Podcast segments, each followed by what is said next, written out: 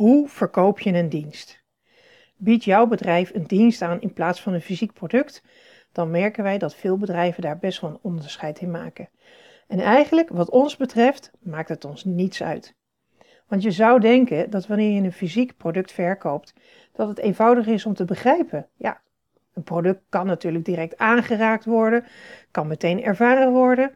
En toch zien we elke keer weer dat dit juist een enorme valkuil is. Want wat is de reden dat wordt gekozen om in iets te investeren? Ook dus in B2B. Dat is wanneer een aanvullende waarde vanuit de aanbiedende organisatie wordt aangegeven. Dat geeft de doorslag dat voor een bepaald product wordt gekozen. Het gaat er dus om dat potentiële klanten de waarde inzien van wat je aanbiedt. En daarmee wordt het verkopen van dienst eigenlijk helemaal niet zo lastig als vaak wordt gedacht. Want wanneer je de juiste methode gebruikt, kun je potentiële klanten snel laten zien wat de waarde is van de dienst die jij aanbiedt. Nou, in deze podcast bied ik je zeven tips waarin je merkt dat je potentiële klanten sneller gaan openstaan om jouw organisatie in te schakelen als leverancier. Tip 1. Benoem het probleem.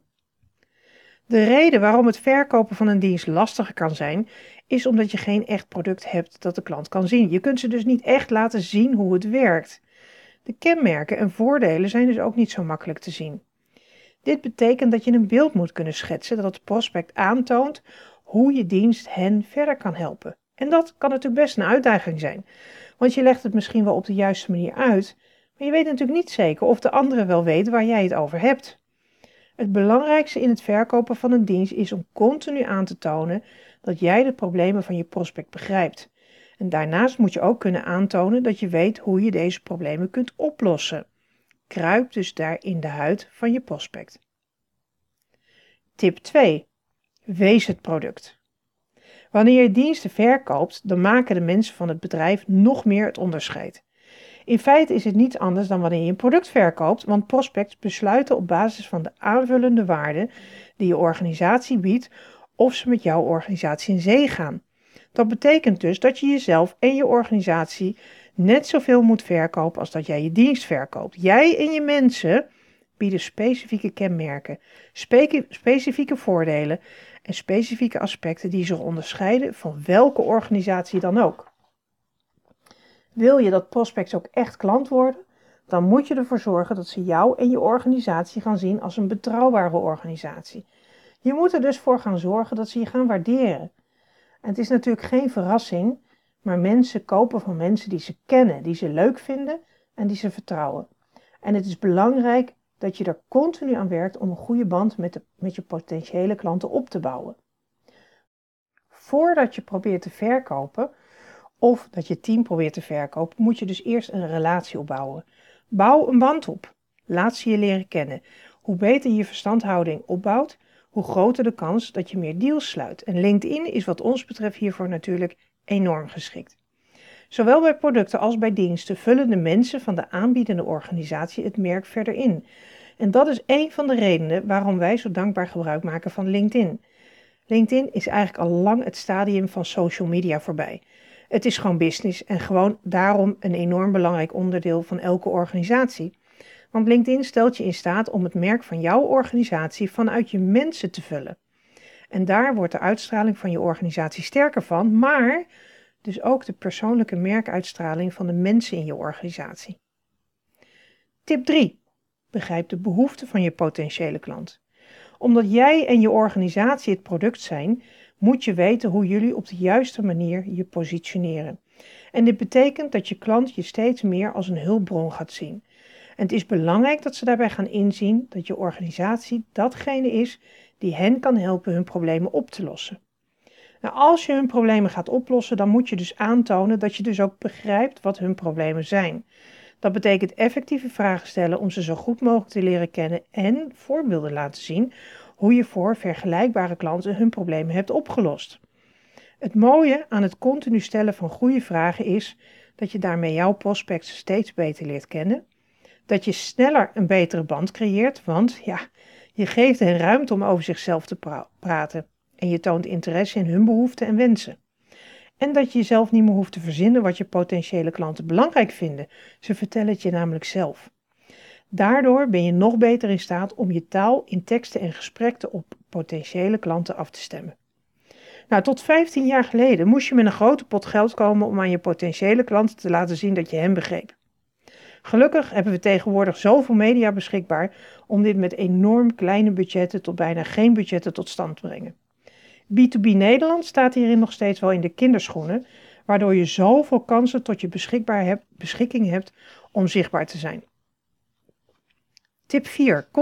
Concentreer je op de resultaten.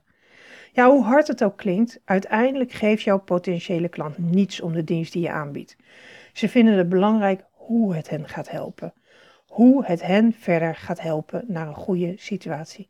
Ze vinden het dus belangrijk wat er gebeurt nadat ze je hebben aangenomen. Je moet je daarom ook op concentreren op resultaten. Als je je potentiële klant wilt overtuigen om klant te worden, moet je laten zien hoe hun leven of hun werkzaamheden eruit zullen gaan zien nadat ze je diensten zijn gaan gebruiken. Je moet ze dus laten zien hoeveel gemakkelijker de dingen zullen zijn als jij voor hen werkt. Nou, een voorbeeld erin om het even wat concreet te maken. Stel, jij bent een IT-dienstverlener en jij helpt bedrijven met een nieuw IT-systeem. Als je een prospect graag als klant wil hebben, dan wil je in eerste instantie zo weinig mogelijk tijd verspillen aan alle zaken die je gaat doen tijdens de implementatie. Want daar ga je het pas later over hebben. Je wil het eerst hebben over de efficiëntie die zij gaan vinden in hun processen, waardoor ze meer tijd overhouden voor andere zaken in hun functie. En je zal benadrukken hoe ze, hoe ze hiermee sneller hun klanten kunnen helpen, waardoor uiteindelijk klanttevredenheid en zelfs ook medewerkertevredenheid gaat stijgen. Dat is dus het allerbelangrijkste wat jouw mogelijke klanten in eerste instantie willen weten. En dat is ook de boodschap waarmee je ze vanuit online middelen naar je organisatie kunt trekken. Tip 5. Focus op gevoelens. Ja, gevoelens in de B2B. Nou zeker wel. Ook in B2B dienstverlening zijn gevoelens belangrijk. En waarom? Omdat elk besluit wordt genomen op basis van emotie. En natuurlijk is het tarief ook belangrijk. Het is echter nooit het meest doorslaggevende argument om tot een overeenkomst over te gaan. Merendeel van de besluiten worden in eerste instantie genomen op basis van een gevoel dat een organisatie ons geeft. Het hoofd zit vast aan de prijs. Het hart zit vast aan de portemonnee. Trek aan het hart en de portemonnee komt uit de kontzak. Een quote van sales king Jeffrey Gitomer. Wanneer je een beroep doet op de emoties van je prospects, win je de deal. En dit geldt voor elk type dienst en elk type branche. Om mensen in actie te laten komen, moet je ze iets laten voelen. Om hun emoties aan te spreken, moet je natuurlijk weten wat ze willen voelen, want je moet weten waar hun passie en hun frustratie ligt. En dit breng je in het contact ter sprake. Daarnaast moet je ook weten hoe je je prospect op zijn gemak kunt stellen. Ze willen zich namelijk veilig voelen bij het idee dat ze zaken met jou of je organisatie gaan doen. Als ze een gevoel van veiligheid ervaren, zullen ze zich beter voelen om jouw klant te worden. Dit betekent niet dat je alleen op de emotie moet gaan spelen. Je moet nog steeds logische argumenten bieden waarom jouw dienst geschikt is voor je potentiële klant. Overigens betekent het ook dat je zelf emoties mag tonen. En daarmee bedoelen we natuurlijk niet dat je hele lange gepassioneerde toespraken op video moet gaan delen. Maar het is wel een goede om je potentiële klanten te laten zien hoe enthousiast jij bent over datgene wat je doet. Ze moeten weten en zien hoeveel je ervan houdt om mensen zoals zij te kunnen helpen. En met dit soort emoties kunnen mensen zich aan jou verbinden. Tip 6. Gebruik sociaal bewijs. Social proof, zoals dat dan zo interessant heet. Aangezien je iets verkoopt dat niet kan worden gezien of aangeraakt, moet je andere manieren vinden om je potentiële klanten waarde van je aanbod te laten zien. Je moet hen dus bewijzen dat je de investering waard bent. En daarvoor heb je social proof nodig. Daarin werken wij vanuit de overtuiging dat het beter is om anderen te laten zeggen dat je goed bent. Mensen zijn namelijk veel eerder geneigd een bepaalde actie te ondernemen wanneer ze weten dat veel andere mensen ook deze stap hebben gezet.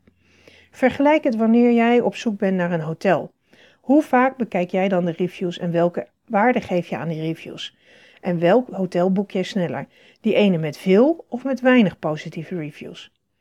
Nou, als jij je potentiële klant kunt laten zien dat anderen gebruik hebben gemaakt van je diensten en er een voordeel mee hebben behaald, dan vergroot je aanzienlijk je kans dat ook zij voor je zullen kiezen. En je kunt het op verschillende manieren doen. Eén manier daarvan is storytelling. Nou, storytelling is heel effectief. En het is altijd goed om een paar verhalen tot je beschikking te hebben. Dit zouden verhalen moeten zijn over hoe je andere klanten kon helpen die op je prospect lijken. Vertel over specifieke problemen die je hebt kunnen oplossen. Het is een effectieve manier om een concreet voorbeeld te geven van wat jij voor je potentiële klant kunt betekenen. Een andere mogelijkheid is testimonials. Testimonials, of ja, getuigenissen, hè, zijn natuurlijk ontzettend nuttig. Want wat is een betere manier om jouw diensten te verkopen dan je vorige klanten ze voor je te laten verkopen? Wanneer jij jouw dienst op de markt brengt, is het goed hier altijd een paar getuigenissen van tevreden klanten in op te nemen. Als potentiële klanten deze zien, zullen zich meer op hun gemak voelen. Als je dienst voor je vorige klanten werkte, dan kan dit namelijk betekenen dat dit ook voor je potentiële klanten moet werken, toch? Tip 7. Bouw een merk dat je bedrijf onderscheidt. Het opbouwen van een sterk merk is cruciaal voor het succes van elk bedrijf, maar het is vooral belangrijk voor dienstverlenende bedrijven. Aangezien je potentiële klanten je aanbod niet echt kunnen zien, hebben ze iets nodig om op een dieper niveau verbinding mee te kunnen maken.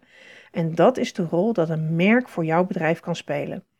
Jouw merk onderscheidt jou van je concurrentie en het geeft je potentiële klanten een reden om jou te verkiezen boven de andere bedrijven in jouw branche. Branding gaat over het bepalen van wie je bedrijf is en waar het voor staat. Het is enorm belangrijk dat je dit uitwerkt, want als je jezelf niet definieert, gaan anderen dat voor je doen. En wordt jouw merk dan zo ingevuld zoals jij zelf zou willen? En veel mensen denken dan dat een merk is weggelegd voor bedrijven zoals een Coca-Cola of een Apple. Maar is dat wel zo? Want wat is nu eigenlijk een merk? Jeff Bezos geeft de beste definitie. Je merk is wat mensen over je zeggen wanneer je niet in de kamer bent. Bepaal waarvoor jij bekend wilt staan en bedenk dus wat je wil dat andere mensen over je zeggen als je niet in de kamer bent. Hier is echt een belangrijk punt om te onthouden. Branding gaat niet over het wat, het gaat over het waarom. Jouw merk gaat over waarom jij doet wat je doet. Simon Sinek zegt in zijn beroemde TED-talk dat je moet concentreren op het zaken doen met degene die geloven wat jij gelooft. Jouw overtuigingen zijn jouw merk. Succesvolle branding gaat over perspectief. Het is jouw unieke merkperspectief waardoor je je onderscheidt van de rest. Ontdek dus wat jouw unieke merkperspectief is en communiceer dit continu aan jouw publiek. Het is een manier om in contact te komen met diegene die jij wil bedienen. Ja, en dan is het natuurlijk logisch dat LinkedIn daar een heel belangrijk middel in is, in het B2B-segment. Conclusie. Het verkopen van immateriële producten hoeft dus niet zo moeilijk te zijn. Het gaat er vooral om dat jij verkoopt wie je bent. En het mooie hiervan is dat jij al uniek bent. Er is niemand anders die precies is zoals jij. Als jij je authentieke zelf bent en je weet hoe je ervoor kunt zorgen dat je potentiële klanten je aardig vinden en je vertrouwen, dan wordt het veel makkelijker om meer deals te sluiten. En vertaal je jezelf in een product dat mensen graag willen kopen.